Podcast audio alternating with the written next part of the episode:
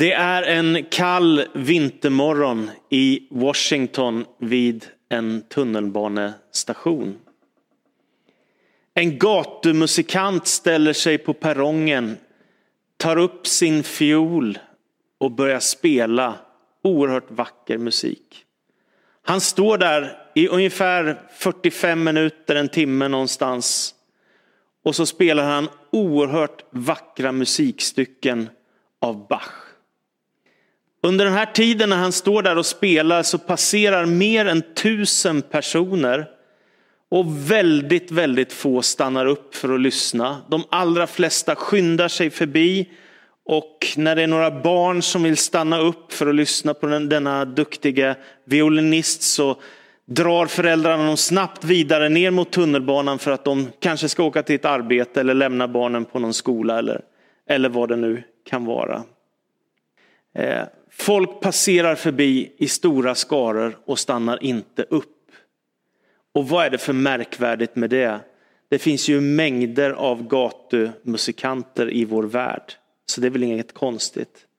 Det som var speciellt med det här, det är att han som står och spelar fiol, han heter Joshua Bell och han är en av världens främsta violinister.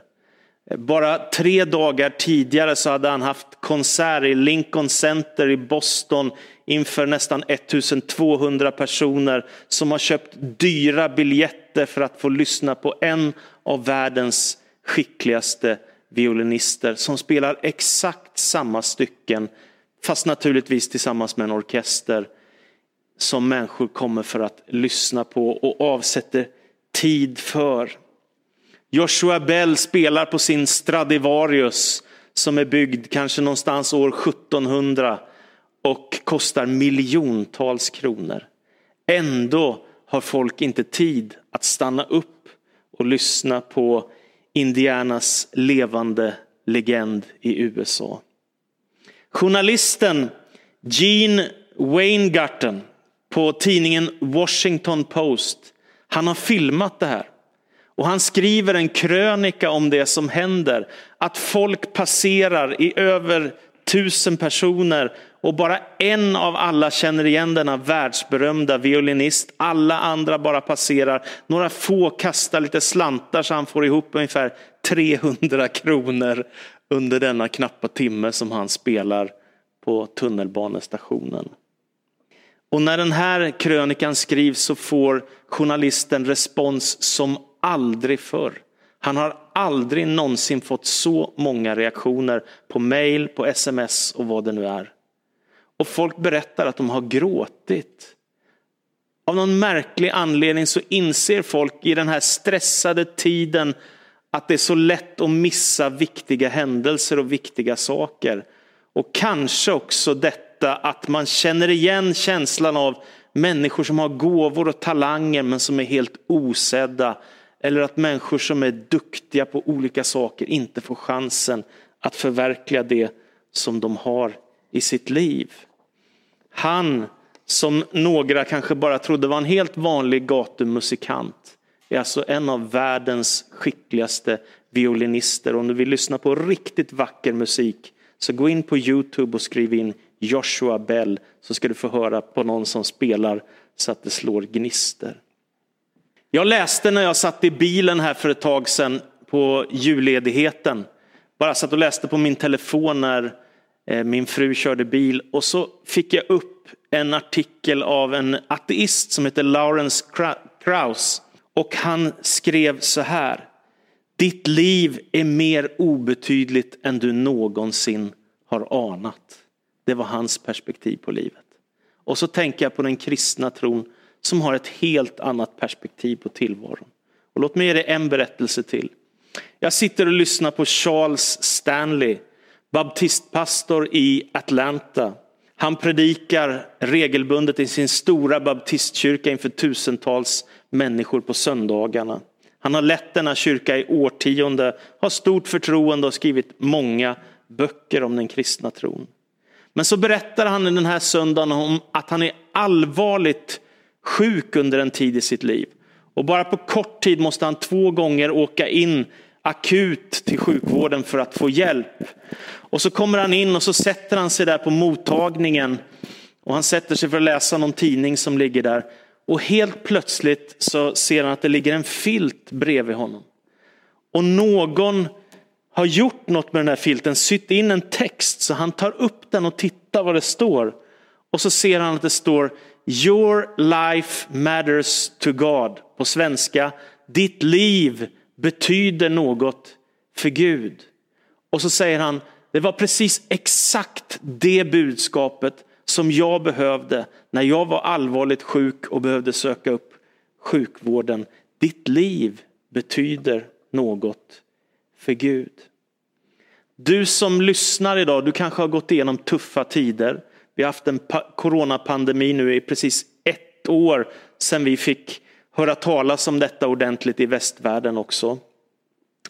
Och eh, kanske har du kämpat med depression, kanske har du kämpat med ensamhet. Kanske undrar du om ditt liv verkligen har någon betydelse. Om det finns någon som bryr sig, om det finns någon som ser dig. Och den kristna tron säger att Gud älskar oss, ser oss och att vårt liv betyder någonting för honom. Och nu vill jag ta med dig till en berättelse i Gamla Testamentet ifrån det 16 kapitlet i Första Mosebok. Så här står det, Första Mosebok 16 och 1. Abrahams hustru Sara hade inte fött honom några barn. Hon hade en egyptisk slavflicka som hette Hagar. Och en dag sa Sara till Abraham, Herren har gjort mig ofruktsam, gå till min slavflicka. Kanske kan jag få barn genom henne. Och Abraham samtyckte och så tog Sara, Abrahams hustru, sin egyptiska, sin egyptiska slavflicka Hagar och gav henne åt sin man. Abraham hade då bott tio år i kanan. Abraham låg med Hagar och hon blev havande. Men när hon märkte att hon väntade barn började hon se ner på sin matmor. Då sa Sara till Abraham, denna skymf är ditt fel. Jag la själv min slavflicka i din famn. Men när hon märkte att hon väntade barn började hon se ner på mig. Herren må döma mellan mig och dig. Abraham svarade Sara, du bestämmer själv över din slavflicka, gör vad du vill med henne. Och Sara bestraffade henne, men då rymde hon. Herrens ängel fann henne vid en källa i öken på vägen till Sur. Och Hagar sa han, Sara är slavflicka, varifrån kommer du och var är du på väg? Hon svarade, jag har rymt från min matmor Sara. Då sa han till henne, vänd tillbaka till din matmor och underkastade henne. Och Herrens ängel sa, jag ska göra dina ättlingar mycket talrika, så talrika att ingen kan räkna dem. Och Herrens ängel sa till henne, du är havande och ska föda en son och du ska genom namnet Ismael, ty Herren har hört din klagan. Det här är en väldigt dramatisk text. Abraham har fått ett löfte utav Gud själv om ett land, att han ska bli välsignad av Gud, att han ska få en löftesson, de som har varit barnlösa, Abraham och Sara. Han får ett löfte om att han ska bli till välsignelse för alla släkter på jorden. Det är något otroligt som Gud lovar Abraham. Och så händer detta att Abraham och Sara kommer till det förlovade landet som Gud har utlovat dem. Och Abraham blir också välsignad och Gud ger honom mycket gott i hans liv. Men de väntar på att få en son. Och löftessonen kommer ju aldrig. Och det har gått tio år nu i löfteslandet och fortfarande har de inte fått något barn. Och till slut så tröttnar Sara och Sara säger till Abraham, men du kanske kan få barn via våran slavflicka eller tjänstekvinna Hagar. Och det här var, det låter konstigt, men det här var typisk babylonisk sed att man kunde ta en hustru till ifall man inte fick barn. Så det var inget märkligt på den här tiden, även om det låter konstigt i vår tid. Men så kunde man göra då. Och det som då händer är att Hagar, deras tjänstekvinna, blir gravid. Och med tiden så börjar Hagar förakta Sara. Och då blir Sara så arg och så upprörd att det blir konflikt mellan henne och Abraham. Och hon skickar iväg, nej hon skickar inte iväg, hon bestraffar Hagar så att hon rymmer. Så är det. Och det som då händer är ju naturligtvis väldigt dramatiskt. Därför att hon ger sig rakt ut i öknen, vilket ju är livsfarligt eh, utan att kunna försörja sig på något sätt ordentligt.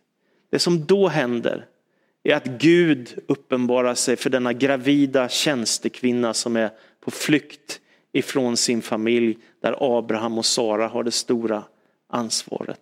Och Gud talar in i hennes liv och säger du ska få en son och av dig ska det komma en stor släkt. Därför kan du lugnt och tryggt vända tillbaka hem till Abraham och Sara. Och det händer.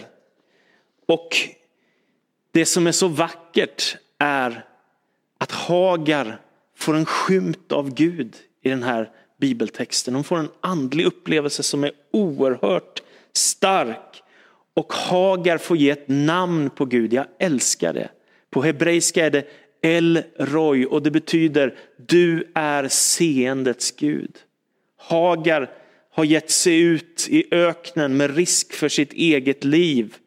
Och nu så talar Gud i hennes liv och så får hon en skymt av Guds härlighet och så får han säga du Gud är El Roy, den Gud som är seendets Gud. Så vänder hon tillbaka till Abraham och Sara och så händer det. Det går ungefär drygt tio år och när de åren har gått då blir Sara också gravid äntligen. Det har gått alltså över 20 år sedan löftet och nu blir Sara gravid. Och så föder hon sin löftesson som Gud ju har lovat Abraham och Sara som kommer att heta Isak. Och Isak är den som de har väntat på. Och när Isak har blivit avvand ifrån amning och så, så ställer Abraham till en stor fest. Och då händer det att det kommer massa vänner och gäster och släktingar och de har ett härligt kalas. Men Ismael och Isak leker med varandra och plötsligt inser Sara att Ismael kan ju ärva ifrån sin far Abraham på samma sätt som Isak. Och då säger, han, då säger hon till Abraham, du måste skicka iväg slavinnan ifrån oss. Ismael ska inte ärva på samma sätt som Isak ska få ärva. Och Abraham blir fruktansvärt ledsen. Därför att nu är hans son ju i tidig tonårsålder. Och alla av oss kan förstå att skicka iväg sin son ut i öknen tillsammans med tjänstekvinnan. Det är risk för deras liv, han kanske aldrig mer får se dem. Och så hamnar han i detta svåra dilemma. Morgonen efter så fyller han en lädersäck med vatten och han ger dem ett stycke bröd och så ber han dem att lämna deras hushåll.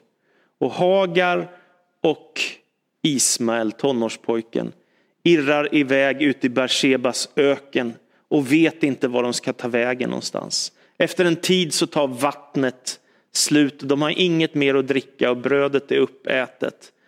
Och nu när värmen ligger på och tiden går så börjar det bli riktigt fara för livet och Ismael är den som kroknar först. Han är svimfärdig och därför så lägger Hagar honom under en buske. Och sen så går hon därifrån. Därför att hon säger, jag orkar inte se på när han dör. Så hon sitter och gråter på avstånd. Och det som händer då, det är att Gud hör pojkens kvidande rop. Och Gud svarar på hans rop och talar till Hagar. Och så står det att han öppnar hennes ögon som kan se, det finns ju faktiskt en vattenkälla där borta. Så Hagar går bort och fyller på lädersäcken med vatten och så går hon till sin son Ismael och så räddas hans liv. Och så växer han upp och eh, han blir bågskytte står det. Och så bosätter han sig i Paran och hans liv skonas.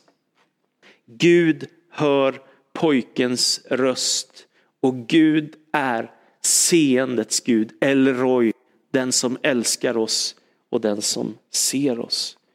Hur ska man fatta de här texterna då? Vad betyder det för oss idag? Jo, det som är en nyckel här för att förstå de här texterna rätt, det kan vi hämta ifrån andra Korinthierbrevets första kapitel och 20 till 21 vers. Där skriver aposteln Paulus, alla Guds löften har fått sitt ja genom Kristus. Därför säger också vi genom honom vårt amen Gud till ära. Det är Gud som befäster er och mig i tron på Kristus. Abraham skulle få en löftesson, han skulle få ett land, han skulle bli välsignad och sen skulle alla släkter på jorden bli välsignade. Hur går det till? Jo, genom att Gud sänder sin son Jesus Kristus till världen för att bli människa och ge ett ansikte åt Gud i världen. Så blir frälsningen möjlig för alla människor. Och det betyder att välsignelsen kommer från Abraham genom Kristus till hela världen. För alla människor blir det möjligt att få ta emot de välsignelser som Abraham fick löften om. De gäller alla människor genom Kristus. Och för mig finns det en slags tanke som är så tydlig här. Gud är på jakt efter oss alla. Precis som han såg Hagar och Ismael, Abraham och Sara och Isak. Så ser han dig och mig och han älskar oss och han vill ha tag på våra hjärtan. Därför säger Jesus själv i Lukas evangeliets 19 kapitel och 10 vers. Människosonen har kommit för att söka upp det förlorade och rädda det. Jag älskar den här dragningen som finns. Liksom Gud sänder sin son ifrån himlen och så drar han i människor för att de ska komma in i riket. Det finns en välsignelse som kommer från himlen till jorden. Det räckte inte för Gud att säga jag förlåter era synder utan han sänder Kristus till världen för att visa hur högt han älskar oss. Jag vet också själv, jag går mot slutet nu, min egen dotter när hon sprang bort en gång. Vi var på Rhodos i Grekland. Vi var i Gamla stan där och vandrade omkring och så gick vi och ställde oss vid ett skyltfönster och våra, mina svärföräldrar var med och vi var där tillsammans och stod och tittade på det som fanns i en affär. Och helt plötsligt är våran lilla tvååriga dotter bortsprungen. Hon är ingenstans i närheten av oss. Och vi börjar ropa och vi delar upp oss och går åt varsitt håll och det går minut efter minut och panikkänslan börjar drabba oss och vi tänker att vi kanske får flyga hem utan våran dotter ifrån Rhodos, vilket ju vore en fullständig katastrof. När fem minuter har gått, då kommer en norsk familj och säger vi har hittat eran dotter. Hon sitter på en motorcykel där nere i en gränd. Och så springer vi ner dit och hon har alltså klättrat upp tvååringen på en motorcykel och sitter på motorcykeln och svarar inte på när vi ropar. Det är intressant. Och vi blir naturligtvis oerhört glada och tacksamma. Vad är poängen med det jag berättar? Jo, den som är kär för oss vill vi inte förlora utan vi vill ha dem i vår närhet, visa vår kärlek. Så är det också för Gud. Ditt liv betyder någonting för Gud. Gud älskar dig. Gud har en tanke med ditt liv och han vill ditt allra bästa. Och som avslutning, Ingmar Johansson, en fantastisk musiker. Han har skrivit en av sina sånger så här. I detta benådade ögonblick när nu tillvaron öppnar sig och allt genomlyses uppståndelsens ljus fyller rummet och bekräftar dig. Se då livet fördjupas och ditt dolda jag blir berört av ett evigt nu. Och allt vad du drömt om i hela ditt liv får ett svar. Du är sedd av Gud. Detta är den kristna kyrkans budskap. Ditt liv betyder något för Gud därför att han älskar dig och kallar på dig. Amen.